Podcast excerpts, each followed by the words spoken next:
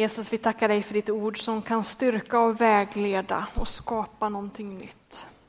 Och vi ber nu, låt oss få ta emot dig genom ordet. Gör oss lyssnande.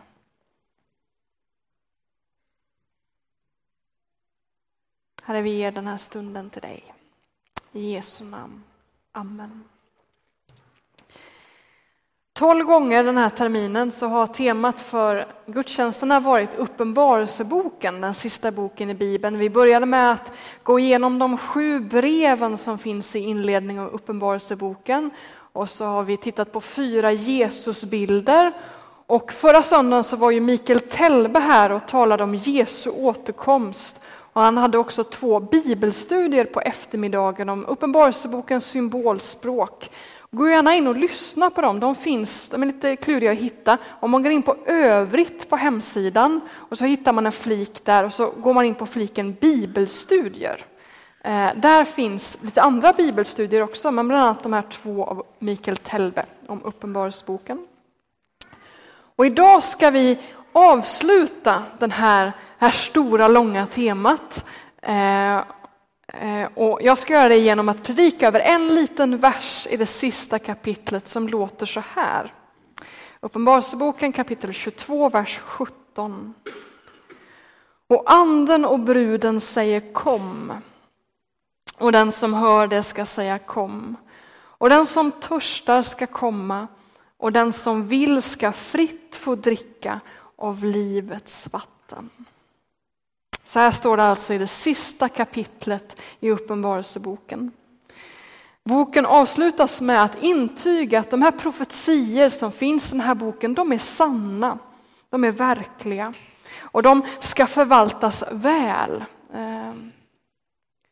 Och så säger Jesus, se jag kommer snart, och så kommer några verser eh, som handlar om vad det innebär och så kommer de här orden, de här gåtfulla men så ljuvliga orden och anden och bruden säger kom. Och den här versen väcker ju flera frågor, alltså vem är det som säger kom? Och till vem? Och, och vem är det som hör? Och sen också börjar ropa kom. Och vad är det här för vatten? Och framförallt, vad har det här med oss att göra här idag? Vad, vad betyder den här versen? Och vi börjar med anden. Vem är anden som ropar kom? Och till vem säger anden kom? Anden är största sannolikhet är ju det Guds ande, Guds heliga ande, den tredje personen i treenigheten. Och enligt skriften så råder det kommunikation mellan personerna i treenigheten. De talar till varandra. Vi kan ju läsa i evangelierna hur Fadern och Sonen kommunicerar med varandra. Men enligt skriften så kommunicerar också anden. Anden är inte bara en kraft utan anden är en person som talar. Och det är inte bara så att anden talar till oss utan anden kommunicerar också med sonen och med fadern. Paulus berättar ju till exempel att, att vi är, vår kropp är en plats från vilken anden talar till Gud.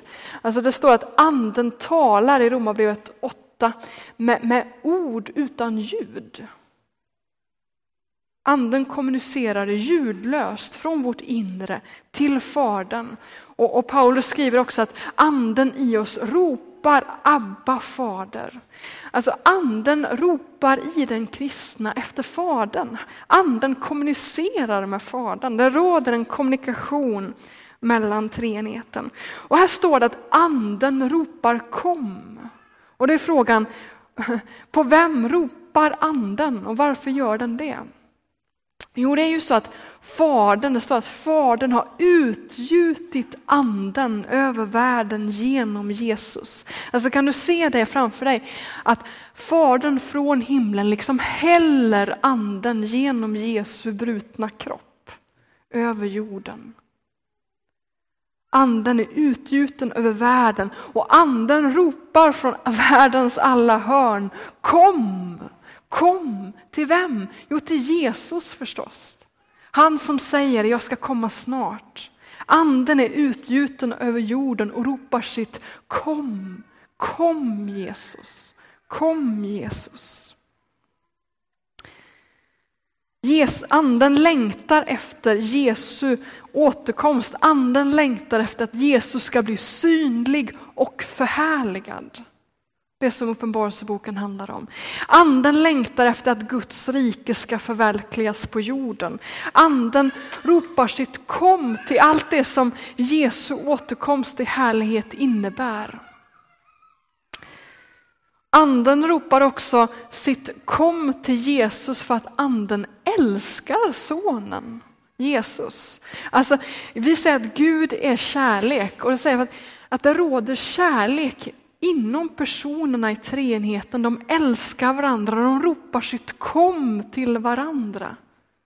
Kom, kom, kom i min famn, ropar de här olika personerna till varandra. Därför ropar anden kom till sonen för att han älskar sonen, för att anden är förenad med sonen och ropar kom, kom. Och då är frågan, vem är den här bruden som ropar kom och varför gör hon det? Jo, både i GT och NT så beskrivs ju förhållandet mellan Gud och hans folk som ett förhållande mellan en brud och en brudgum. Eh, Mikael var inne på det förra söndagen. Jag var inne på det när jag predikade i februari över brevet till Tyatira i Uppenbarelseboken. Om den här relationen och vad, det, vad den metaforen handlar om. Men det vi kan kort kan säga nu det är att den här, den här metaforen uppmanar till trohet. Alltså en brud och en brudgum är förlovade med varandra. Det finns ett förbund dem emellan och de, de ska vara varandra trogna. Det vittnar om att den här relationen inte är fullbordad ännu. De är förlovade med varandra, men de har inte ingått äktenskap ännu. De är inte förenade.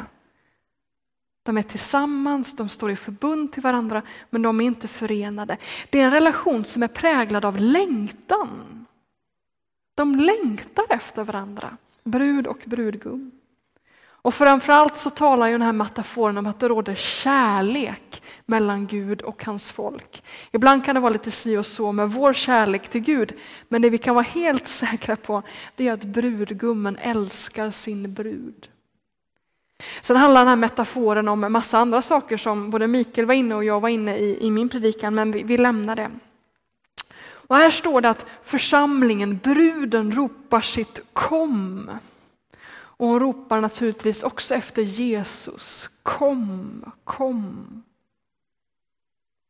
Församlingen längtar efter Jesu återkomst.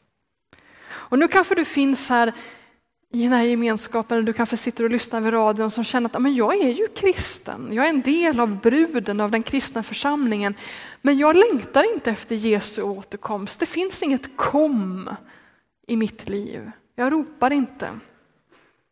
Och då ska jag i slutet av den här predikan säga några tröstande ord till dig och några utmanande ord. Men innan dess, låt oss fundera på varför längtar församlingen efter Jesu återkomst? Jo, för det första för att, för att vi längtar efter att Guds rike ska förverkligas. Det sker när Jesus kommer tillbaks. Då utrotas ondskan, då, då försvinner lidandet. Paradiset landar på jorden, döden utplånas. Vi ber ju om detta varje gång vi ber vår fader, den här bönen, när vi säger nu. Ja, vad var jag? Jo, vi ber i Fader vår. Ni som sitter vid radio, vi hade någon form av lite strömavbrott i ljudet här, men nu kommer det tillbaka. Eh, jo, i Fader vår så ber vi låt ditt rike komma, låt din vilja ske, låt ditt namn bli helgat. Och den bönen, den besvaras ju varje gång vi får se någonting av Guds rike varje gång Gud blir ärad. Men det kommer ju till sin fullo ske när Jesus kommer tillbaka i härlighet. Då kommer Guds rike bli en verklighet. Så Jesu återkomst innebär att Jesus blir, eller att Guds rike kommer, men det innebär också en annan sak och det är att Jesus blir ärad och förhärligad. Då kommer hela världen säga Jesus är Herre.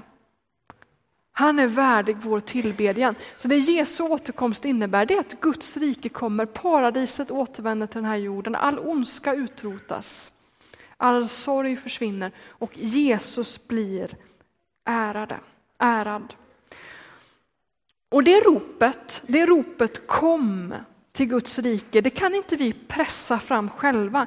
Det är någonting som anden skapar i oss, jag tror det. För vi människor, vi är väldigt inkrökta i oss själva och vi kan inte riktigt se vad det innebär. Men anden är den som föder detta kom i vår själ. Anden hjälper oss att förstå att Guds rike är någonting positivt. Det står, jag tycker det är en så fantastisk vers i, i, andra, eh, första Korinthierbrevet i andra kapitlet, att anden hjälper oss att förstå vad vi har fått. Alltså anden öppnar våra ögon och hjälper oss att förstå rikedomen i Guds rike. Men anden får oss också att längta efter Jesus.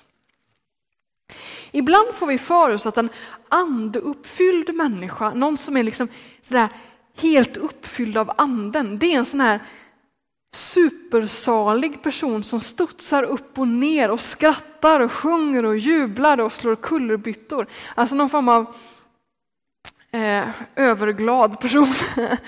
Men i Romarbrevet 8 så står det att den som har anden, den suckar.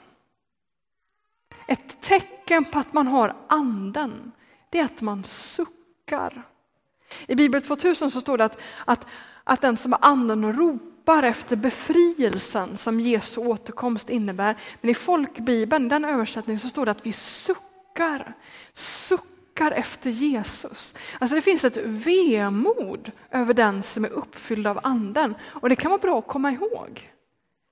Anden skapar också ett vemod i oss, en längtan, ett suckande efter Gud.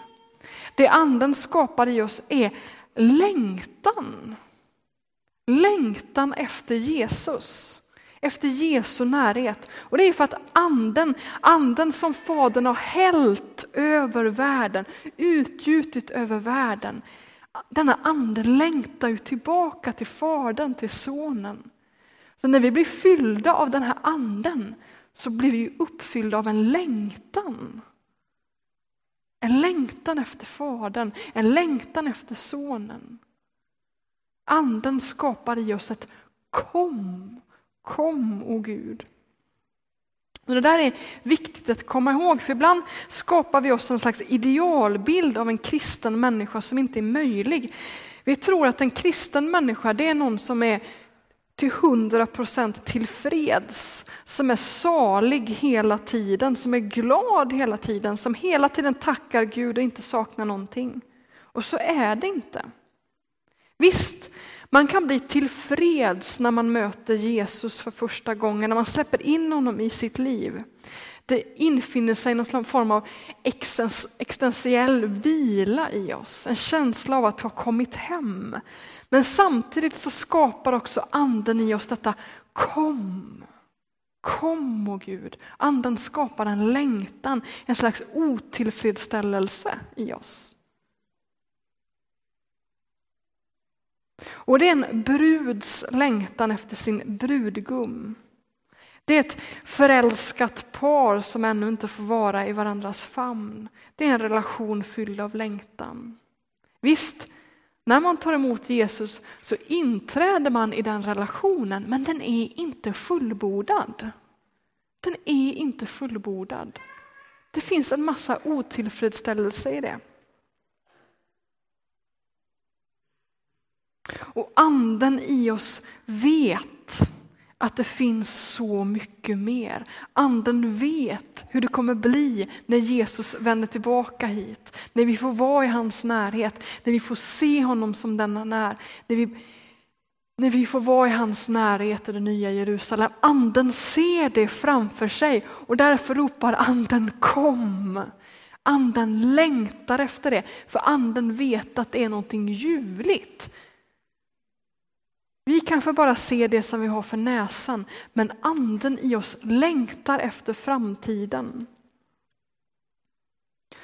Och ju mer uppfylld man blir av anden, desto mer längtar man efter Jesus. Så är det. Du som är ny i tron kanske tänker så här, det låter väldigt jobbigt. Att tron egentligen innebär att man inte blir tillfreds. Att, att man bara blir mer och mer törstig. Men det är inte någonting jobbigt, för det är något ljuvligt. För den här längtan är ju en kärlekslängtan. Det är ett begär efter den man älskar. Och det är någonting man kan njuta av. Man kan njuta av längtan. Man kan njuta av den här åtrån man känner efter Gud. De här suckarna som vi bär fram inför Gud, det är några suckar att njuta av. Det är någonting njutbart. Och speciellt när man vet att det är tecknet på att anden finns i mitt liv, att Gud finns här. Att, att, att kunna njuta över, av att, att Gud i mig längtar efter Gud. Det, det är något, något speciellt. Och det är någonting som kan berika vårt liv. Att bli uppfylld av detta begär efter Gud, efter Jesus. Någonting som man liksom blir... Det, det är en ström som liksom bara drar oss med. Det är underbart att få älska. Det är underbart att få känna begär efter Gud. Därför är det en god gåva som Anden skapar i oss, detta kom. Så till dig som suckar vill jag säga, försök att se dina suckar som ett tecken på Guds närvaro och låt de här suckarna få uppfylla dig. Säg ditt kom, kom Jesus. Kom Jesus och vet att du, att du ber tillsammans med anden, att du ropar ditt kom tillsammans med Gud själv. Att det är anden som, eller Fadern som har hällt sin ande i dig som skapar denna längtan. Låt oss läsa den här versen igen och gå vidare. Så här att anden och bruden säger kom och den som hör det ska säga kom och den som törstar ska komma och den som vill ska fritt få dricka av livets vatten. Vad betyder den här versen och de som hör? Vilka är de? Inte helt enkelt att lista ut. Jag tror att det måste ju vara alla de som hör oss ropa.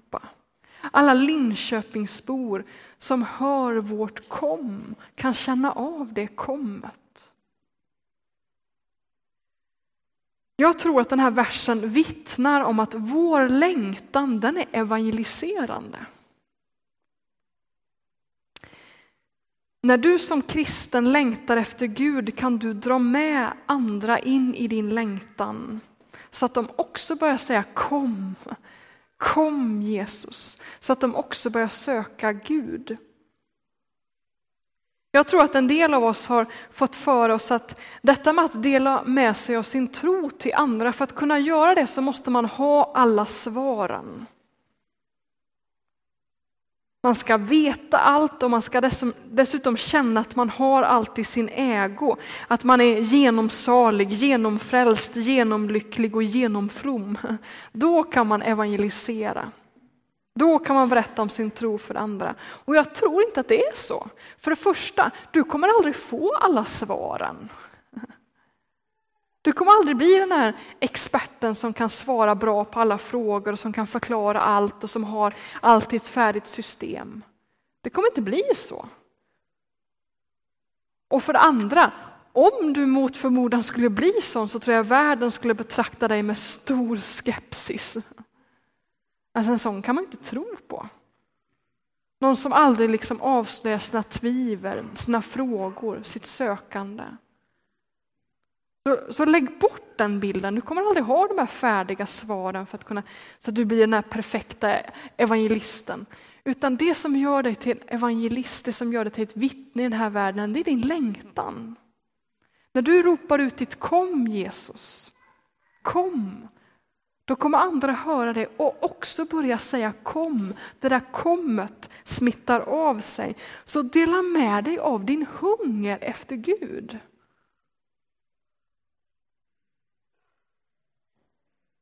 Det är så jag tycker det verkar funka i, i new age-kretsar idag. I de, det som är olika meditationsformer som, som finns i vårt land. Folk drar med sig varandra in i sin längtan, i sitt sökande efter frid, efter mening. Låt oss göra på samma sätt, dra in människor i vår längtan och vårt sökande efter Guds närvaro. Jag tror att sammanhang och församlingar som bär på en stark längtan efter Gud, i sådana miljöer kommer människor till tro.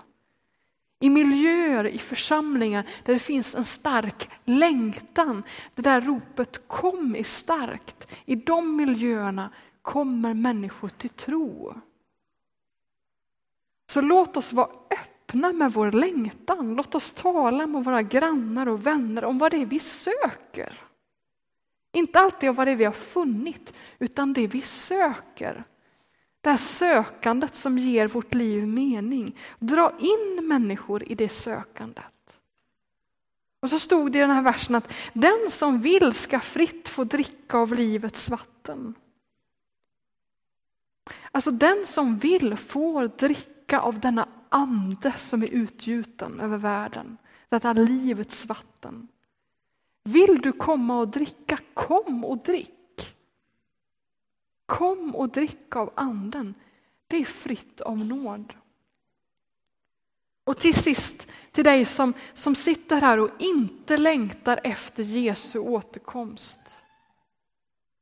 Öppna ditt liv för anden.